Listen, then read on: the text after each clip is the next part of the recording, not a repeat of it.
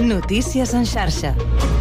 Bona tarda, són les 4 us parla Marc Ventura. El Tribunal Suprem ha aprovat per unanimitat una declaració en què defensa que l'actuació judicial s'ajusta sempre a la llei i rebutja que sigui fiscalitzada. Els magistrats reaccionen així a l'acord entre PSOE i Junts amb la proposta de la llei d'amnistia. En concret, la declaració afirma que l'exercici de la funció jurisdiccional s'ajusta sempre a la legalitat, a la defensa de la Constitució i a la salvaguàrdia dels drets i llibertats llibertats de tots els ciutadans. A més, remarca la necessitat de preservar i garantir la independència judicial des de totes les institucions i veu incompatible amb ella la fiscalització o supervisió de la tasca judicial per altres poders de l'Estat. En successos hi ha un detingut en l'operatiu policial contra una ocupació flagrant al carrer Colom de Calella de Mar, al Maresme. Connectem en directe amb la nostra companya de Ràdio Calella, Gemma Ponce, perquè ens expliqui tots els detalls. Hola, Gemma, bona tarda. Bona tarda. Nombrós desplegament de policies locals i Mossos al carrer Colom de Calella després que un veí hagi donat l'avís aquest matí d'una possible ocupació local d'un dels immobles. L'operatiu ha començat poc després de les 12 del migdia i s'ha allargat durant més de 4 hores. Quan ha arribat la policia s'ha certificat que l'entrada s'havia acabat de produir. S'ha coordinat la zona i els agents han aconseguit que una de les dues persones que hi havia a l'interior abandonés per voluntat pròpia.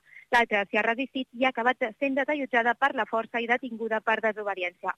A hores d'ara s'ha traslladat a dependències policials.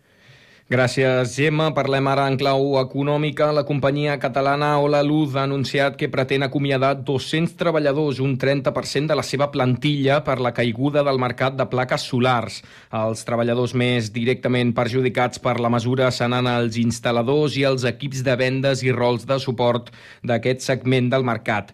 Ola Luz assegura que la instal·lació de plaques solars s'ha alentit de, pels tipus d'interès elevat i la falsa sensació de moderació variació del preu de l'electricitat que fa que els clients residencials aparquin la decisió d'instal·lar plaques. En clau de mobilitat, la Generalitat i Teisa milloren des d'avui el servei d'autobusos de la línia L6 i creen l'L16 per reforçar la connexió entre Girona, Sarrià de Ter i Sant Julià de Ramis. I a més, afectacions a Rodalies des d'aquest dilluns. Atenció als usuaris nocturns de l'R2 de Rodalies perquè per obres des d'avui els últims trens de la nit entre Castelldefels i Vilanova de la Geltrú que surtin de Barcelona Sants finalitzaran el seu recorregut a Castelldefels. Això és tot. Fins aquí les notícies en xarxa. Notícies en xarxa.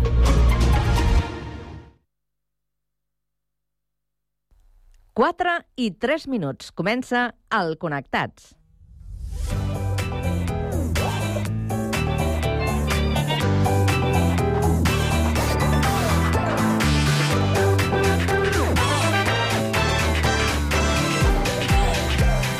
Connectats amb Carme Reversa.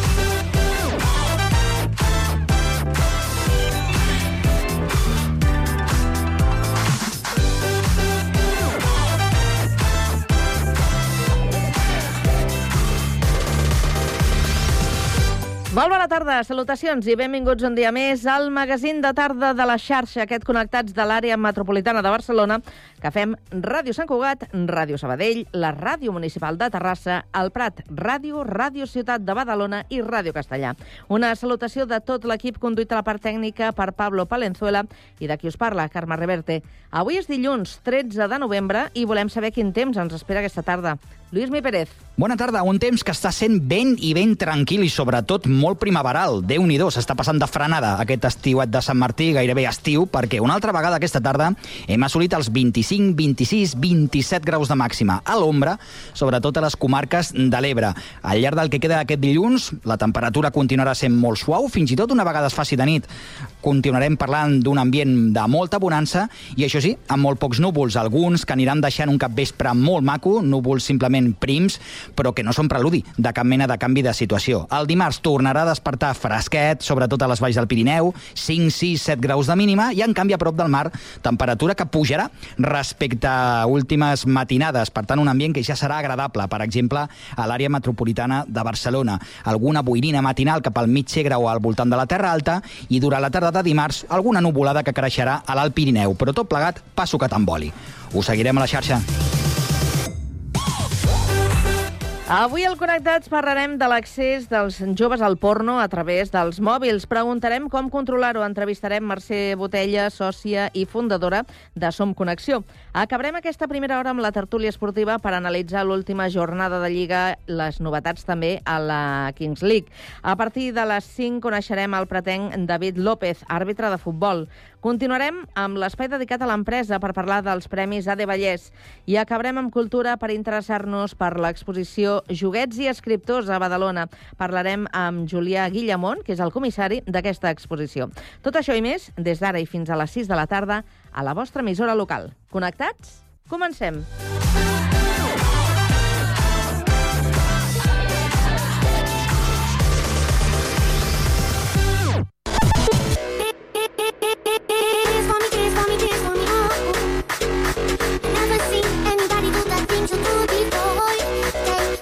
Connectats, una experiència radiofònica a Sabadell, Terrassa, Sant Cugat, El Prat, Castellà i Badalona.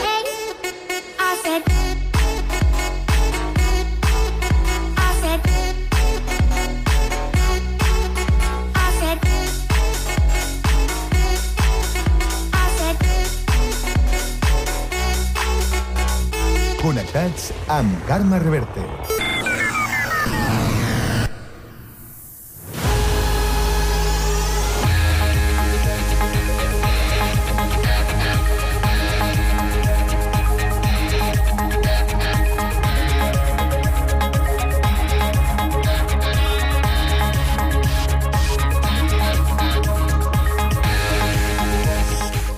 4 i 7 minuts ens actualitzem, fem un repàs a l'actualitat de la jornada, que comencem a través d'aquesta comunicació amb Terrassa. Sergi Estapé, bona tarda. Bona tarda. Els Mossos d'Esquadra han aconseguit la detenció d'un home que va cometre un doble assassinat a Terrassa l'any 2002 i que estava en cerca i captura des que es va escapar de la presó ara farà dos anys, aprofitant una sortida per feina.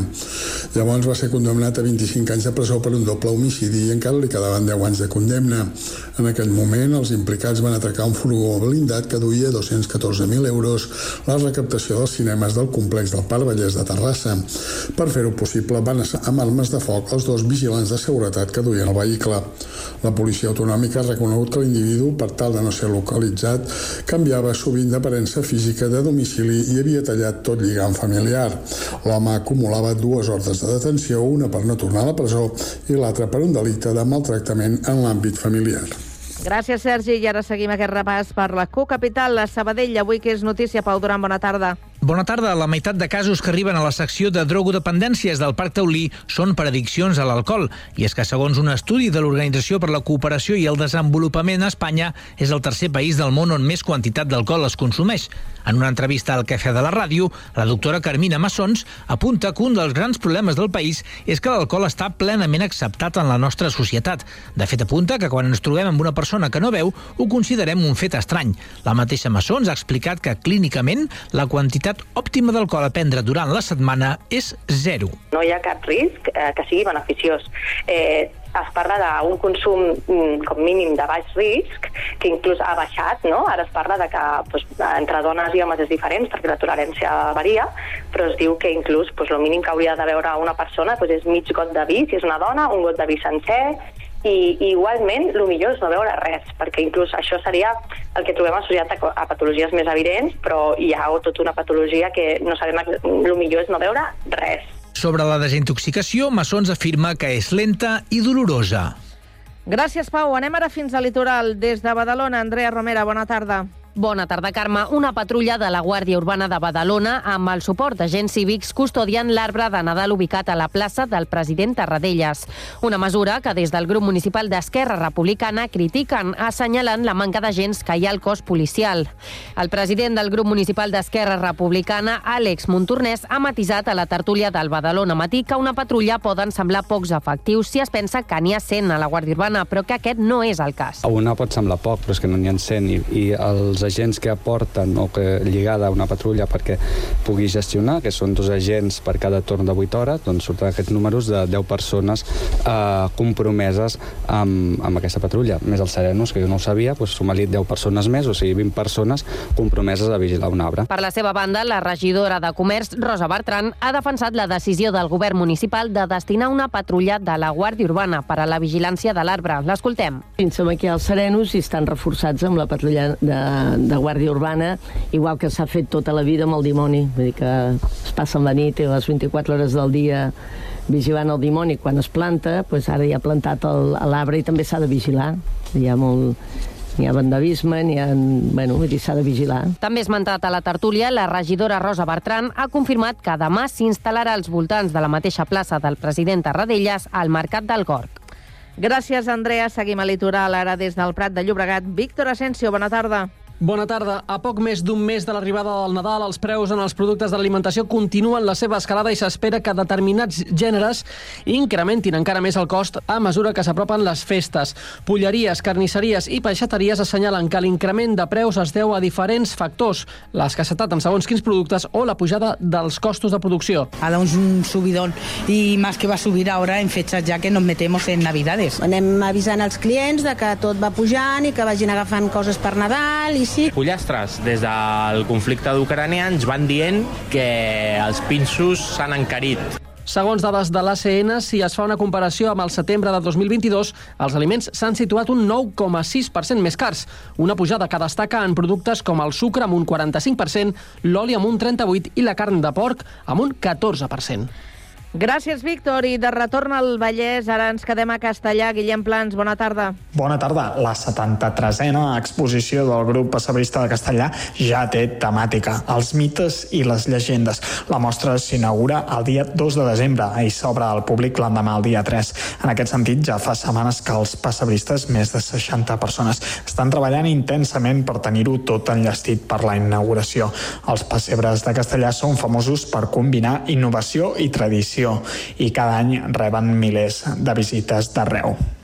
Gràcies, Guillem. Tancarem aquesta ronda d'actualitat amb la crònica de Sant Cugat avui per destacar que els gausacs han tancat la temporada a casa amb la clàssica de 8. Els castellers de Sant Cugat han descarregat el 3 de 8, el 4 de 8 i el 2 de 7. El cap de colla dels gausacs, eh, Santi Pie, ha posat en valor haver portat a plaça una clàssica que feia més de 4 anys que no es veia a Sant Cugat.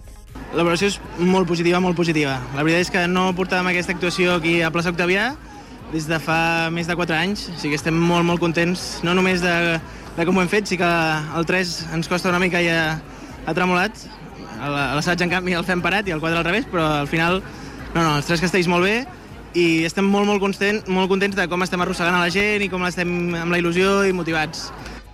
Tot plegat en una 27a edició de la Diada de la Colla, que ha reunit a la plaça d'Octavià la colla Sant Cugatenca, els Minyons de Terrassa i els Borinots de Sants. Durant la jornada s'han vist castells de 7 i de 8 i el més espectacular, un 4 de 9 en folre de la colla garenca. Els gausacs diran adeu definitiu a la temporada a casa dels Minyons de Terrassa.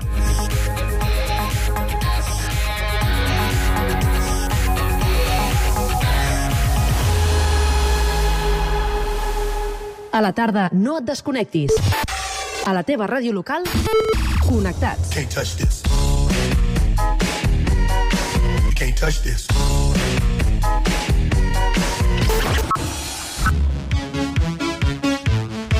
Can't touch this. Can't touch this. Connectats amb Carme Rebell.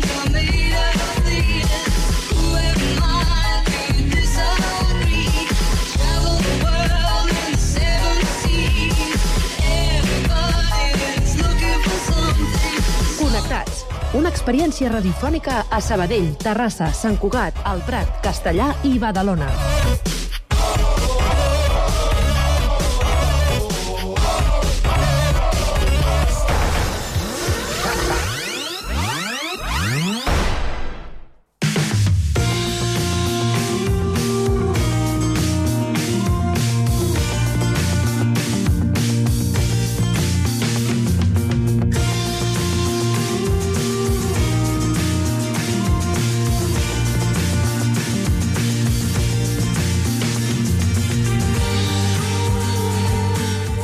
Fa pocs dies, responsables del Departament d'Educació anunciaven que tots els centres d'educació catalans hauran de tenir regulat l'ús del mòbil a partir del curs que ve, ja siguin de primària o de secundària. I és que més de la meitat dels i les adolescents no tenen normes a casa per a l'ús dels dispositius.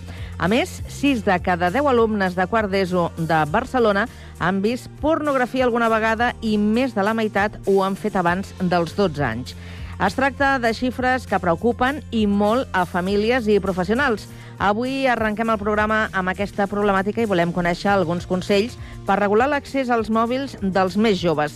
Per això marxem fins al Prat. Rocío Santa Eufèmia, bona tarda. Bona tarda, Carme. Doncs sí, aquesta és la pregunta. Com podem controlar l'accés al mòbil a les xarxes dels més joves? Doncs precisament fa uns mesos Som Connexió, l'operadora pratenca que promou el consum conscient, va presentar la guia per famílies cruels i malvades per acompanyar de manera conscient els fills i filles en la incorporació del telèfon mòbil. I avui per parlar de tot plegat ens trobem amb la sòcia fundadora de Som Connexió, Mercè Botella. Molt bona tarda, Mercè. Molt bona tarda. Parlàvem d'aquestes dades, com dèiem, cada vegada eh, tenim més aviat un mòbil a les nostres mans, els nostres joves accedeixen abans als telèfons mòbils. Quan podríem saber quin és el moment adequat per aquest primer contacte? Doncs la veritat és que l'ideal seria no abans del 16, tot i així mm, també és cert que prohibir-lo probablement no és la solució, perquè si es prohibeix fins al 16, aleshores és fàcil que als 16 es faci una incorporació sense procés d'incorporació. Per tant, s'està, hi, ha, hi ha diverses dades, però el que tothom té clar és que un ús amb una certa autonomia hauria de ser no abans del 16. A més, eh, ara que comentaves precisament, et volia preguntar, prohibir-lo és una bona opció perquè hi ha una campanya, per exemple, eh, que es diu Adolescència lliure de mòbils, engegada per pares i mares, eh, que van crear, recordem, un grup de, de WhatsApp que va començar a Poble Nou, que ha revolucionat tot el territori i s'està estenent, precisament amb aquest objectiu. Ens comentaves aquesta xifra, no?, dels 16 anys, doncs, mm, per tal de promoure que els i les joves eh, no tinguin mòbil abans d'aquesta edat i també de, de demanar ajuda no? a les institucions per poder regular aquest ús. Um, ja ens avançaves, potser prohibir no és la millor opció, però sí tenir ajuda en aquest sentit, que no sigui només responsabilitat de les famílies, dels pares i mares, aquesta situació. Exacte. Aquest moviment de pares és preciós, és bonic, i ve de que els pares que veuen que hi ha un risc, perquè és que hi ha un risc, està, hi ha estudis que ho mostren, volen com contrarrestar tota la pressió social que, que, que fa que, que sigui molt difícil que allò que creus que no és bo pels teus fills, doncs no ho puguis mm, portar a la pràctica, perquè la pressió, si es fa servir doncs, per coordinar eh, les activitats extraescolars, per exemple, la, la, aquest noi noia queda com descavalcat. Si tot està circulant a través de la tecnologia, llavors els, els pares que no volen incorporar el mòbil tan aviat, doncs aleshores queden fora de joc i, i estan forçats. Aquest moviment té tot el sentit. Uh, però aquest moviment jo penso que prohibir, prohibir, no sé si és el que ells tenen clar que volen fer. El que sí volen és que no hi hagi aquesta pressió social, ni tan sols que les institucions o els grups, les activitats que fan aquests nois noies necessitin necessàriament utilitzar el mòbil, perquè també l'escola a vegades utilitza, bueno, no només el mòbil, la tecnologia, no? Llavors sí, regular que no sigui una necessitat per ells. Això sí. Ah, de fet, ara comentaves aquesta pressió social, és com anar en contra de tothom, perquè sí que recordem fa uns anys, sembla que ens s'ha oblidat, no? però hi ha una generació, jo no vaig créixer amb un mòbil, però sí recordo que jo, quan anava a l'institut, ja vaig començar a tenir mòbil per aquesta preocupació eh, dels meus pares, de, de la meva mare també, de ha arribat bé, no som molt conscients d'aquesta preocupació, d'aquest risc, però potser no tant dels efectes que té tenir un mòbil, perquè precisament els adults som els primers que tenim el mòbil tot el dia a la mà. Sí, has dit dues coses que són interessants a recollir. Una que és com podem estar en contacte per saber si estem bé. No cal un smartphone. Amb un telèfon n'hi ha prou i, i, i no està malament. Però la necessitat que tenen els joves d'un telèfon no és un telèfon, de fet és un smartphone el que ells volen, no? Uh, la segona cosa que comentaves és si nosaltres som un bon model pel, Mhm. pels nois, és cert, difícilment educarem i acompanyarem els infants i sobretot els adolescents si nosaltres no fem un ús moderat del mòbil i no el fem de manera conscient, perquè no els podem demanar que faci una cosa que ni tan sols la gent que els envoltem en som un model. Per tant, és fonamental. Mm, eh, eh, hi ha molts elements, ja veus que no té a veure només amb el prohibir-lo, sinó que hem de moure moltes peces. Parlàvem de com ha augmentat l'ús dels dispositius, com cada vegada tenim accés abans a aquests telèfons mòbils i precisament una dada que va de la mà i que també preocupa és aquest accés a internet, a les xarxes, i en aquest cas parlàvem de dades preocupants. Una enquesta de la Diputació de Barcelona, en concret l'enquesta d'hàbits de consum, recull que la meitat dels i les joves admet haver consumit pornografia abans dels 12 anys i fins i tot més enllà dels 12, el 14% ho ha fet abans dels 10 anys o als 10 anys. Com podem limitar els continguts que visiten els nostres fills i filles perquè no es trobin en situacions com aquestes? Perquè també aquesta enquesta recull com un percentatge mm, d'aquests joves encastats, en concret el 15%, admet que directament, eh, per accident, ha trobat aquests continguts explícits a la seva pantalla. Sí. Um, probablement s'han de fer diverses coses, però en, el context actual d'avui, per dir-ho així, si avui una família vol vigilar tot això, um, una manera és que l'ús del mòbil només sigui en espais comuns. És a dir, que no estiguin sols mai amb el mòbil i que, a més a més, hi hagi un acompanyament, que quan l'han utilitzat, doncs que ens expliquin, sobretot quan són més jovenets, que ens expliquin què han fet, com ho han fet, per què ho han fet, eh, que, que expliquin. Val? Si hi ha aquest acompanyament, doncs ara per ara això ho tenim a les nostres mans. També és veritat que hi ha programes de control parental. Mm, poden ser un bon suport. S'ha de, de mirar bé quin tipus de programa, perquè hi ha programes de... Bueno, no sé, eh, qualsevol programa aquests també té molt accés Mhm. al, al que els està donant la família, per dir-ho així, no? Quin, quina és la vocació del programa. Però també pot ser un, un bon recurs.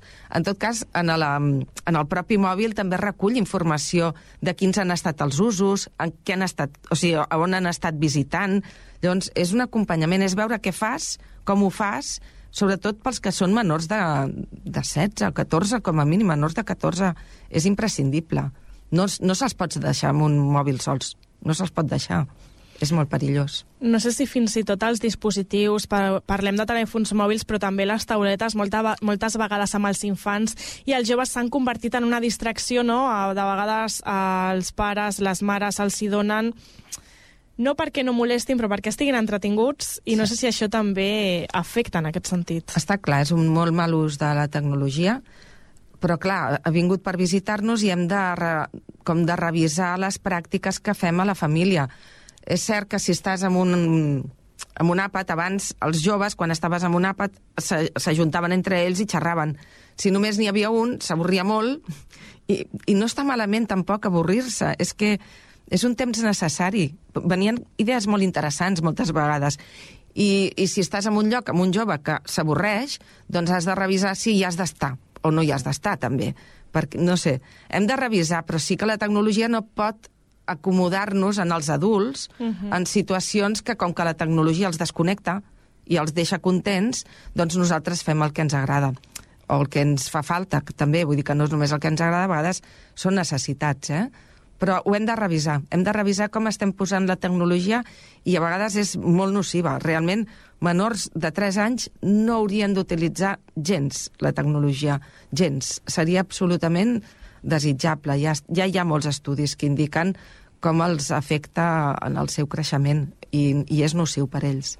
Quines conseqüències té en aquest sentit eh, a nivell social, a nivell de desenvolupament eh, físic també, perquè moltes vegades pel fet d'utilitzar aquests dispositius no surten tant de casa o fan un altre tipus d'activitats i també sobretot eh, de forma psicològica. Sí, sí, a, a tots tres nivells. A tots tres nivells té un impacte, a cada edat té uns impactes diferents.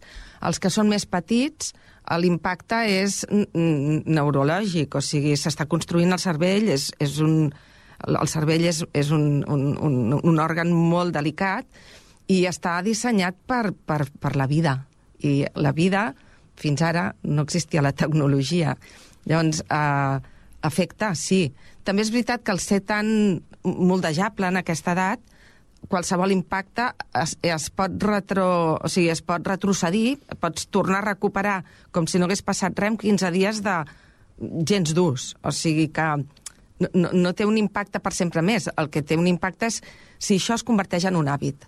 I eh, també el té a nivell social, perquè quan ets petitet, el que, el, que- tu existeixes en la mesura que interactues, que Mhm. interactues amb les persones, amb els humans, utilitzes el llenguatge, um, ap- aprens a fer el llenguatge no, no, no verbal, de fet, des de que neixes, no? Llavors, i, tam i també deixes de moure't. Mentre estàs amb la tecnologia, estàs quiet. I el que has de fer, sobretot d'infant, és conèixer, comprendre els límits a través del teu cos, conèixer el món i la vida a través del cos. Mentre estàs connectat a una pantalla, només t'en- t'entra la vida pels ulls i d'una manera molt, molt limitada. Molt. Parlaves abans de generar espais de, de confiança amb els nostres fills i filles per poder regular aquest ús, um, per poder saber què visiten i què no, però amb aquesta confiança mútua. No sé si també per aconseguir això és important que els adults desaprenguem moltes conductes i generem espais on no jutgem eh, ni demonitzem aquests joves que al final també estan sent víctimes. Totalment. Sí, sí. Tots estem en el mateix lloc. Tots estem víctimes o, o senzillament estem en un entorn que ens trobem un element nou i ens està condicionant a tots perquè també som tan víctimes els adults com els joves, com els nens, ho som tots en aquest sentit. Vull dir que ens trobem, ens trobem havent-nos d'adaptar a una nova realitat. I, i totalment d'acord. El, els adults sempre, sempre tenim la sensació que tempos que, que, que abans tot era millor, no? I, i la, el, ju- el jovent el que ve a fer aquí, a la, a la humanitat, és a irrompre i a, i a portar noves coses. I està bé que, ens, que, que, que tinguem xocs i contrastos perquè és des d'aquí on surt la, la creació de noves coses.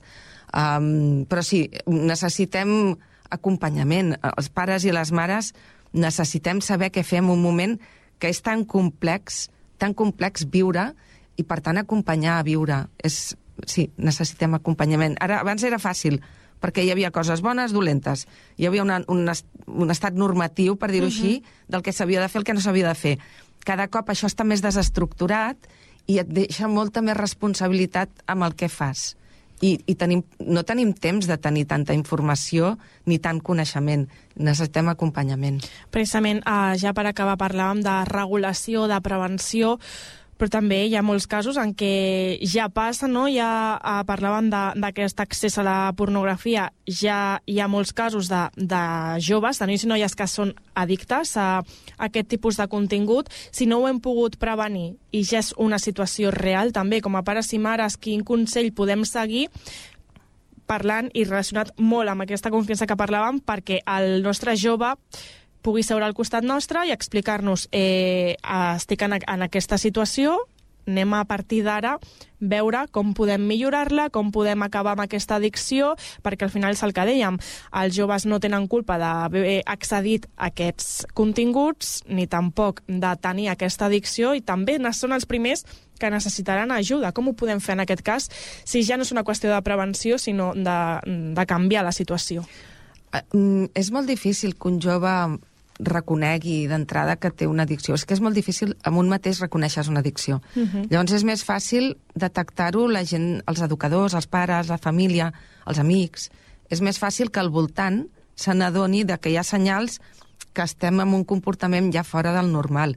I en el moment, qualsevol que ho detecti, d'entrada no victimitzar la víctima, com, com bé dius, sinó al revés, anar a buscar recursos professionals que ajudin i acompanyin a reconduir la situació, que evidentment tot es pot reconduir, només fa falta posar-hi la, la, la mirada, l'atenció, la intenció i la bona voluntat de, de totes les parts. Doncs ens quedem, Mercè, amb aquest consell, aquest treball transversal de diferents col·lectius per poder, entre totes i tots, millorar aquesta situació i també fer aquest canvi de, de mirada en una situació que aquestes noves tecnologies no, que han vingut a facilitar-nos la vida però que de vegades també eh, s'han d'utilitzar amb molta responsabilitat per evitar aquestes situacions. Avui volíem conèixer alguns consells per poder fer-ho com a famílies davant d'aquestes dades que hem posat sobre la taula. Mercè Botella, moltíssimes gràcies. Moltíssimes gràcies a vosaltres.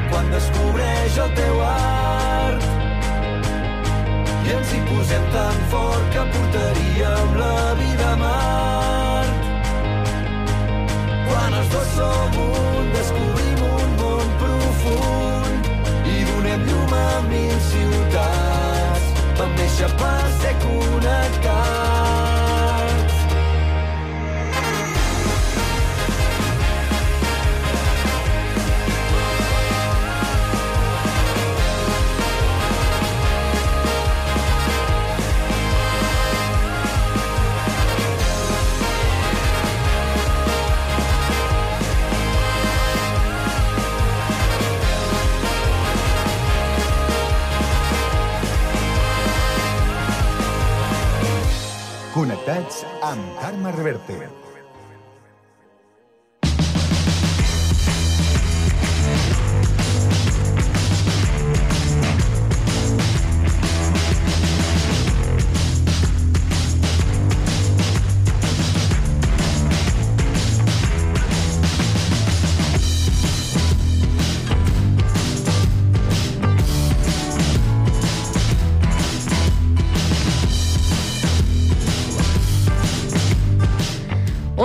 Un minut i mig, el que passa ja de dos quarts de cinc de la tarda. Temps ara per a la tertúlia dels dilluns. Tertúlia esportiva. Avui parlem de futbol bàsicament i de la primera divisió, diria que també bàsicament. Anem a saludar els nostres tertulians eh, des de Sabadell. Tenim el Raül Chao, periodista. Raül, bona tarda. Bona tarda, Carme. I a Terrassa doncs, ens acompanya el periodista de la Ràdio Municipal de Terrassa, en Miqui Romagosa. Miqui, bona tarda. Què tal? Bona tarda, Carme. Bé, doncs eh, avui farem una tertúlia que compartiré amb vosaltres perquè mm, avui no tenim tertúlia a, a Sant Cugat, o sigui que no, no, no, mira, tinc el tècnic que està dient jo, jo, jo, jo, jo. Aquí s'apunta tothom. Ja n'hem apuntat uns quants a la jornada d'avui i no hi ha hagut, eh, no hi ha hagut sort. No tens el César avui? Uh, no, no, no, el César no, no hi és avui. I mira que n'hi ha, eh? En són uns quants, eh? Tinc una llista en, en el, la nòmina de, de tertulians, però avui, avui han fallat tots, eh? Saps les escopetes de fira? Doncs això, avui m'han fallat tots. Però tant se val. Mira, anem a parlar precisament de, del que fem cada dilluns, d'aquesta de l'última jornada de, de Lliga, que mm, és una Lliga que està sent interessant perquè, bueno, hi ha coses, hi ha coses a, a comentar.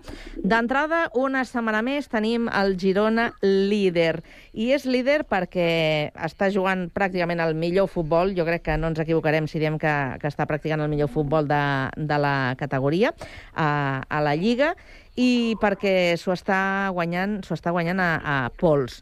I la veritat, no sé si vosaltres vau poder veure el partit eh, que, que jugava a Vallecas, perquè va ser un partidàs. Jo explicava, eh, ara explicaré una mica la, la meva situació, però deia, jo aquest partit en un altre moment, a mi aquest partit no em crida gens l'atenció. Veure un Rayo Vallecano eh, no l'hagués vist normalment. Vaig veure el partit i us he de dir que va ser un partidàs. Fantàstic. No sé si vosaltres el vau poder veure. Jo el vaig veure i totalment d'acord amb tu, Carme. És a dir, jo crec que ha sigut... Bueno, juntament amb el partit del divendres, amb l'Atlètic Club 4 Celta 3, que també té, té, té el seu, però el Rayo Girona va ser un partidàs en mayúscules. Uh, el Girona va fer un partit molt seriós des del pr- primer minut, però és que el Rayo no es va quedar enrere. Els dos equips van tenir moltes ocasions, el Girona amb Dovic va fer un partidàs, Savinho, uh, Sigankov, Ivan Martín... És a dir, si a tu et diuen que el partit acaba 3-4, mm, no ens haguessin mentit perquè és que el partit va tenir absolutament de tot. I sobretot mm. això, és que el Girona juga molt i molt bé al futbol. Va ser fantàstic, eh? Jo crec que, si no recordo malament, eh, xuts, allò, eh, oportunitats, xuts a porteria, eh, entre 14, 15 o, o, o 16. I els comparàvem al partit del Barça d'ahir, i la veritat és que ni punt de, ni punt de comparació, eh? Ni punt de comparació. Eh, Miqui, tu vas veure el, el Girona? vaig tenir una estoneta, possibilitat de veure'l una estoneta, i la veritat és que són dos equips que tenen un, un estil de joc molt, molt definit, que no tenen por a perdre, no? que moltes vegades aquest és el, una mica el que trenca el futbol. No?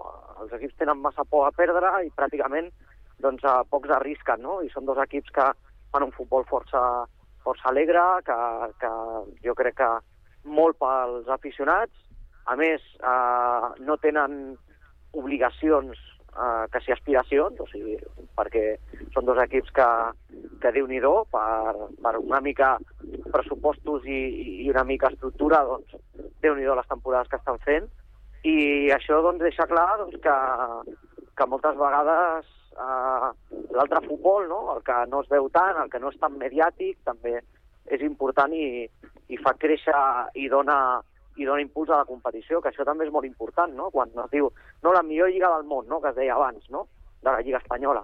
Mm. Doncs amb, amb coses com aquestes eh, doncs hi ha motius per, per poder pensar que alguna vegada doncs, fem una lliga molt més igualada i que aquestes sorpreses doncs, no són casualitat. Mm.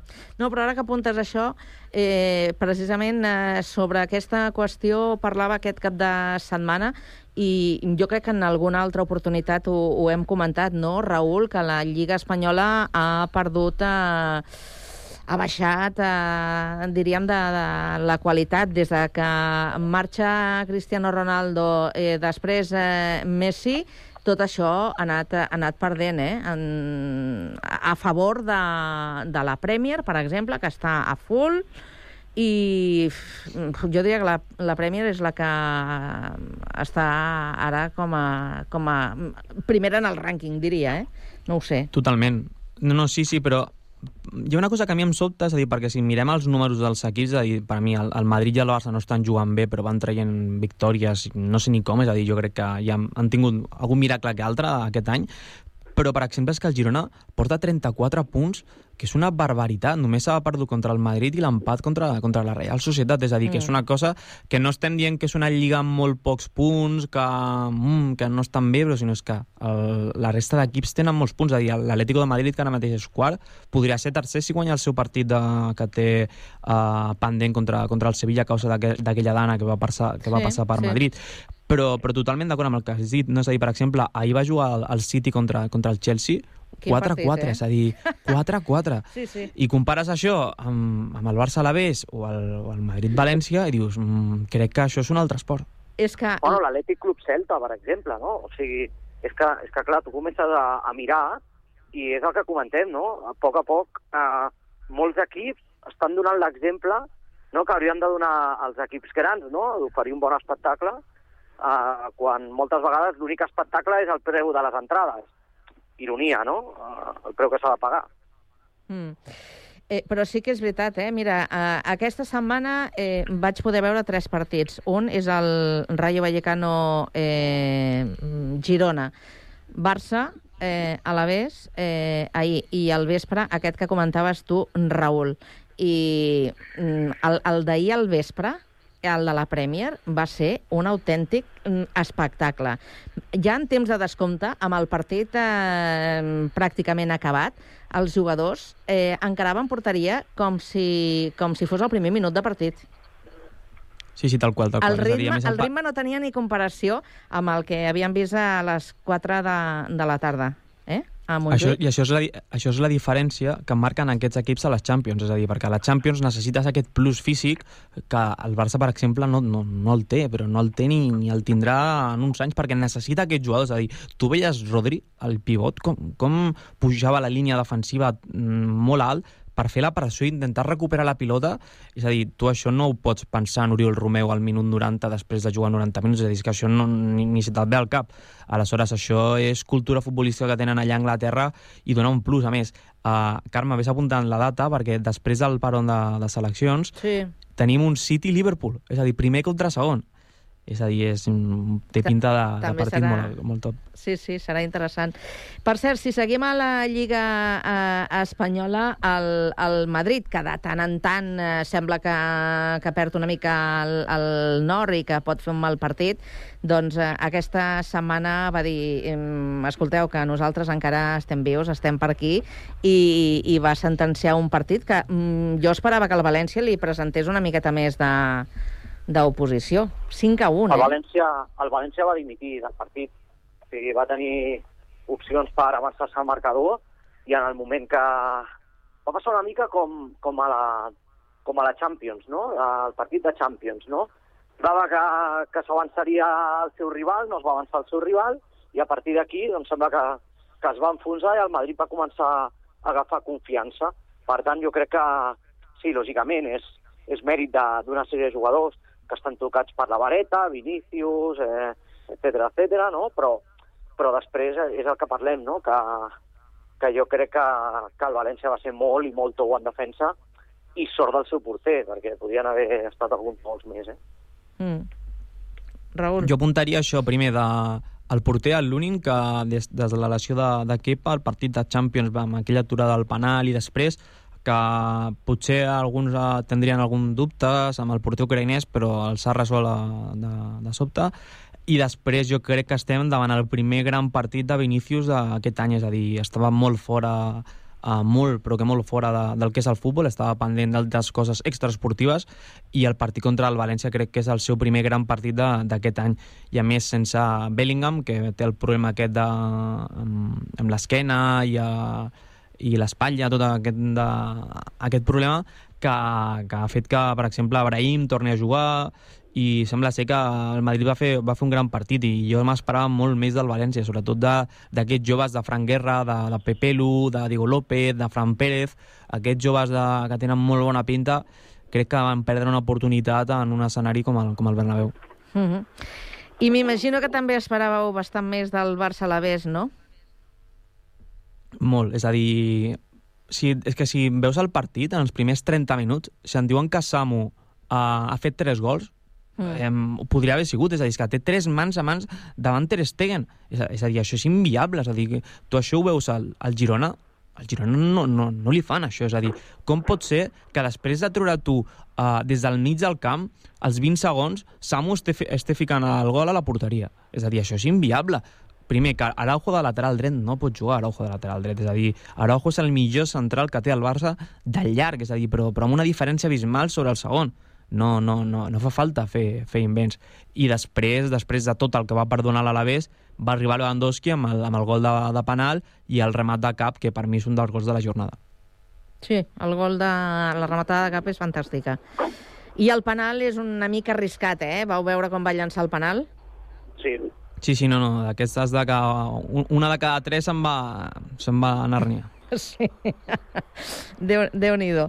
Però, eh, a veure, eh, si vau veure el partit, és veritat que el descans després dels primers 45 minuts, eh, que veiem un Barça en la mateixa línia dels últims eh, compromisos, a l'estadi es van sentir xiulets i a Xavi li van preguntar després eh, per això i el tècnic del Barça va llançar una mica pilotes fora i com sempre culpant el, el missatger, no? apuntant cap a la, prem, cap a la premsa i a, i a l'entorn.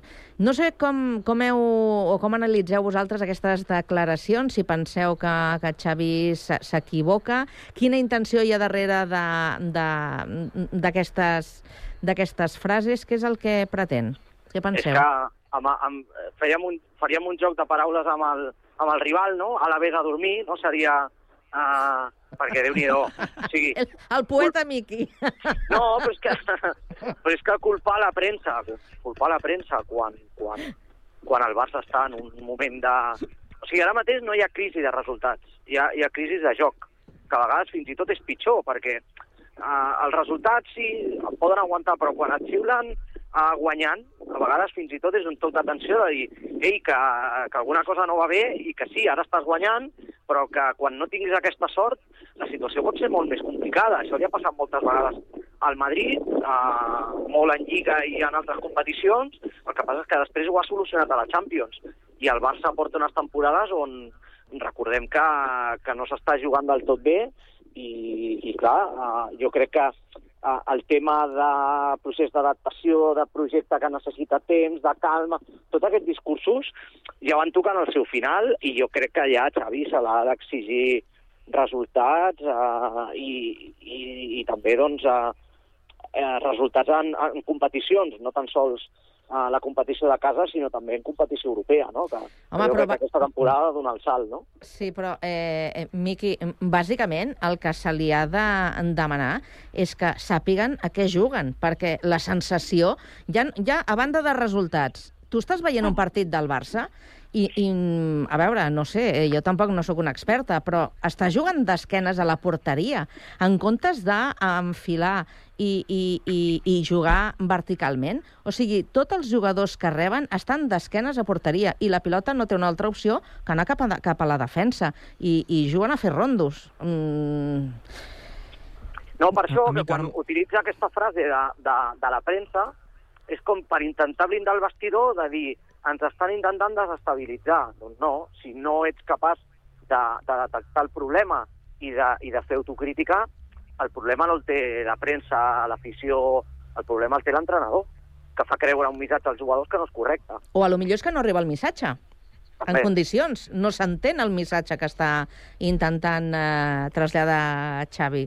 També és possible. Tu- Digues, Raül. Totalment d'acord amb el que està dient el Miqui, és a dir, per mi uh, és pitjor la roda de premsa de Xavi postpartit que el partit en si, és a dir, per mi és molt greu el que diu Xavi, és a dir, uh, si recordem fa, fa anys enrere, quan estava Valverde, que Valverde doncs, no tenia aquest joc a Madin-Barça de tants tocs ni res, però el Barça guanyava la Lliga de manera consolidada i tenia tots els periodistes, tots els periodistes guardiolistes, el tenien en contra i no paraven de fer-li la crítica i rere setmana, bum, bum, bum, bum, bum. I ara veus a Xavi, que és en teoria un, un com podríem dir, un avantpassat... Un, Un deixeble. un de, exacte, això, això, un, Un deixeble deixeble. de, de Guardiola, uh. -huh. i sembla tot el contrari, és a dir, sembla que estiguis veient el Xolo Simeone, és a dir, és que el Barça no juga a res, és a dir, absolutament a res. I té un mig del camp amb Oriol Romeu, amb Frenkie de Jong, que encara no està lesionat, però quan estava jugant era més del mateix, amb Pedri, amb Gabri, amb, amb Fermín, uh, etc etc. i el Barça és que avorreix a les ovelles, és a dir, si és un partit a les 4 de la tarda, la probabilitat de fer la migdiada són, són molt, molt altes. Sí, sí. I sobretot això, perquè quan Xavi arriba diu no, nosaltres jugarem, farem un, un pas endavant, el pas endavant, com diu la Carme, l'ha fet enrere, el pas l'ha fet enrere. Mm. Sí, no, no, hauran de buscar una empresa de cafè que patrocini els partits per la migdiada. Escolta, jo, però que no és broma, eh, Miqui? Els dos partits que han jugat a, a aquella hora, a primera hora de la tarda, migdiada segura, eh? Has de fer un, un, un esforç per intentar aguantar aquell espectacle soporífer. Perquè és Clar, que... t'ho imagina't, imagina't que comences a escoltar i dius, ostres, hi ha com botzines o bogoteres. No, no, que és la gent que està roncant, o sigui, no, no fotem. Mira, nosaltres perquè ho veiem des de casa, però el que, està, el que està al camp es deu avorrir com una mala cosa. És l'antítesi dels partits del Girona. És a dir, tenim Correcte. els dos costats oposats. El Girona, que agrada, que, divert, que et diverteix, que t'enganxa, encara que no siguis del Girona, dius, és que vull veure el Girona perquè m'agrada molt com juga. I després veus el Barça i dius, "Puf, una altra vegada he de veure això, per, perquè treballo i perquè m'interessa. Però és que si no, jo no veuria el partit del Barça, És és, que, que- m'avorreja moltíssim. Clar, és que si no li dones ni, ni ritme al joc, doncs ja m'explicaràs, no? Oriol Romeu jo crec que està demanant tornar al Girona, eh? Mm, alguna, Sí, sí. Co alguna cosa han comentat, no?, de la possibilitat, i crec que ell ha dit que no, que no li faria res. És No que el nivell que està donant el Barça, jo tampoc m'agradaria posar-li totes les culpes a Oriol Romeu, però és que veient els jugadors que estan amb Xavi, és a dir, per exemple, el Gundogan, el Gundogan del City no l'hem vist ni, ni un No. 0,5, és a dir, a l'Oriol Romeu de, de, del Girona ni el 0,5. Aleshores, si aquests dos jugadors que venen de dos entrenadors molt top no estan al nivell que estaven l'any passat, potser no tota la culpa és dels jugadors. Mm. Una, una pregunta. Eh, veient el Barça d'ara mateix, quines opcions li doneu a la Champions? Zero. menys un. Ostres, home... I tu, Carme? I tu, i tu, Carme? Poques, poquíssimes. Si, si es classifiquen per jugar la següent ronda, ja potser ens quedarem allà.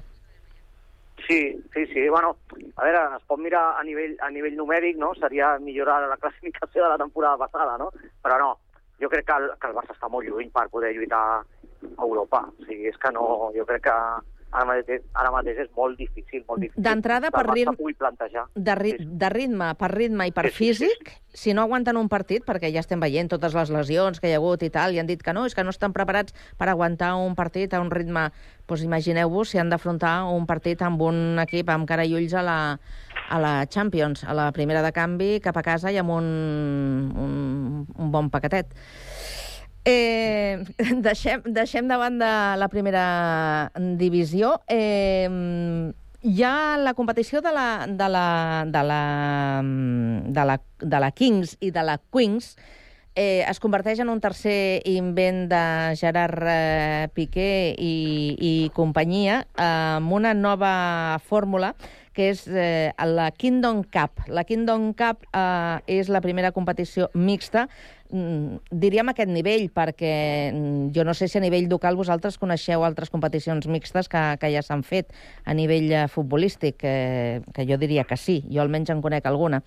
Però aquí l'invent eh, consisteix en que els equips que ja competeixen en aquestes eh, dues eh, lligues tindran el seu equip masculí i femení jugant i compartint un partit, de manera que jugaran una part un equip de dones i una altra part l'equip eh, d'homes. Què us sembla l'invent? Bueno, és a dir, jo crec que l'invent està, està bé, però jo crec que els resultats a termes de- d'audiència i tal no estan sortint bé, perquè bàsicament si tens una part de 25 minuts i tens una plantilla de 12-13 jugadors i juguen 7, passa que la meitat de la plantilla no juga absolutament res i aleshores pues, això crec que no, no s'hi acaba de, de convèncer però com a experiment en si jo crec que és una bona notícia no? sobretot uh, la manera de fer pinya entre l'equip femení i l'equip masculí crec que és un, un plus no? per exemple ja l'hem vist a, en l'atletisme, en els relleus mixtos, que, que és una cosa que ja s'ha fet en, amb anterioritat, però crec que és una, un avenç i sobretot amb, que ho faci Piqué, amb tots els streamers i aquesta gent que té una comunitat molt gran, donar això d'igualtat i, i tal, jo crec que és una, una gran notícia. Miqui? És que a mi, amb tot el respecte, eh, mira que conec gent que juga a la, la Kings i la Queens i, i tal, però a mi em fa bastanta mandra, no? Mm. Uh, perquè ho veig més com, com un espectacle de streamers i que, que un esport en si, no? Perquè al final, sí, té la, la part d'esport, no? Però, però jo crec que, que s'ha blindat perquè no sigui, eh, no sigui futbol, no sigui... Perquè, clar, ni futbol sala, perquè eh, les regles són totalment diferents, o sigui... Eh, però a mi això de l'esport mixta m'agrada moltíssim, perquè és una, un fet doncs, que jo crec que, que s'ha de donar normalitat i, i és el que diem sempre, no? És el somni també de veure alguna vegada una lliga mixta de, de futbol. Estaria Tu molt, creus, molt tu bé. creus que això arribarà? Hauria d'arribar. Hauria d'arribar. El problema és quan i, i com, no? No, Però no sé si ho permetran, eh? Les altes institucions se'ls acabarà el negoci, llavors, Doncs diria. tenen, un pro doncs tenen un problema molt gran, no? Perquè si s'omple la boca dient... El que passa és que, clar, jo crec que tenen por no, no per, per com pot anar, sinó perquè és que al final és un, tot és un negoci. Tot és un negoci. I, i ho veiem que moltes vegades, doncs, eh, fins i tot, eh, ara que es parla molt de- d'esport i inclusió, al final no deixa de ser moltes vegades, fins i tot, per les pròpies federacions, a vegades, fins i tot ho veuen com un, com un negoci. Ho ha passat amb el futbol femení, no? Molts equips, en el moment que havien de retallar, doncs retallaven del futbol femení. S'ha passat moltes vegades, doncs. Jo crec que, que sí, que està molt bé, però, escolta'm, si perden, jo què sé, dos milions d'euros amb el primer equip masculí, que perdin 20.000 euros amb el femení, escolta'm, doncs mira, mm, no sé, jo veig més greu perdre més amb l'equip masculí que amb l'equip femení. Eh, deixem que li pregunti al Raül. Raül, tu veus eh, en algun moment allò en el futur eh, una competició mixta? en el futbol, molt eh? difícil, molt difícil uh, tenint en compte les institucions que tenim. És a dir, si tu a teva li dius això, jo crec que li dona un patatum i, i, i, Directament. i, i es queda allà directament. És a dir, jo ho veig uh, difícil. Que aparegui una altra institució i cregui aquesta competició, doncs mm, és possible, però jo crec que encara trigarem. Encara trigarem. Compte, compte, que, compte que ara que Rubiales que no té res a fer, que no ho pensi ell. I llavors sí que tenim un problema, eh? O, o que ho pensi Florentino. I, I No? millor no pensar el nom de Rubiales a la competició, millor ni pensar-ho. Ai, eh, n- deixeu-me, no sé, vosaltres alguna vegada heu, no dic somiar, eh, però heu aspirat a ser àrbitres? No, no, no. No? No, no, no, no us agradaria dedicar-vos a, No, no. al món de l'arbitratge? Ho dic perquè estan buscant àrbitres, eh? Necessiten àrbitres. Doncs que a mi, a mi no em comptin, eh? No? A mi, a mi que no, comptin. Eh, No, jo és que a mi em trenca, a mi em trenca ara mateix una mica a la tarda, eh? Sí. Et trenca la tarda. Sí, la tarda. i, i els projectes, de, tarda. i els projectes de, de futur, doncs imagineu-vos que... Clar, la, la UEFA està buscant àrbitres allò desesperadament. Necessiten 40.000 nous àrbitres i sobretot també necessiten àrbitres eh, dones. Eh, complicada, complicada la tasca, perquè clar, els que ja s'hi dediquen eh, en alguns casos, no sabria dir-vos un percentatge, però en alguns casos el que fan és abandonar, perquè, clar, mm, qui té ganes d'estar aguantant un partit, eh, imaginem, de nanos petits, eh, que, bueno, la graderia ja sabem com, com reacciona en, en moltes ocasions. I si el no... millor és ser àrbitre de bar, Carme. Digues? L'àrbitre de bar és el millor. Estàs allà assegut, sembla que són 10.000 euros per partit, Sí. estàs allà assegut i, i res, no I sé... i crec que- t'equivoques igual, i t'equivoques igual. t'equivoques igual, però totes les culpes se, s'emporta, se les emporta l'àrbitre que està al camp. Els del Exacte. bar, a vegades, doncs, clar, com estan a, a... No sé si estan a la Roza o estan en un spa, no? Perquè, clar, diuen que poden estar en un lloc i potser estan en, una, en, en un altre, no? Potser estan al sofà i és un crom. el O que el, o, el, o el sé. bar en B, o el bar en B de les rozes. en Ja. Sí, Està, correcte. està ben pagat, això de l'arbitratge? Sí, molt, molt. A primera divisió, al mes que poden arbitrar dos partits, potser s'estan portant entre 20.000 i 30.000 euros eh, fàcilment. I alguns treballen. també. Però això, això el principal, no? Perquè després també s'ho han de repartir amb la resta Sí. de... Mhm. Clar, però, per exemple, el quart àrbitre també eh, arbitra partits de, de primera federació, segona federació, així que Ja. entre quart àrbitre més tal va sumant. Han de fer No bolos, eh, per això, per anar sumant. o sigui que... Me'n veig a les nits, eh? Bueno, senyors, ho hem de deixar aquí, que vagi molt bé la setmana. Gràcies. Gràcies, Adéu- bona Adéu-siau. setmana. Adéu. Adéu.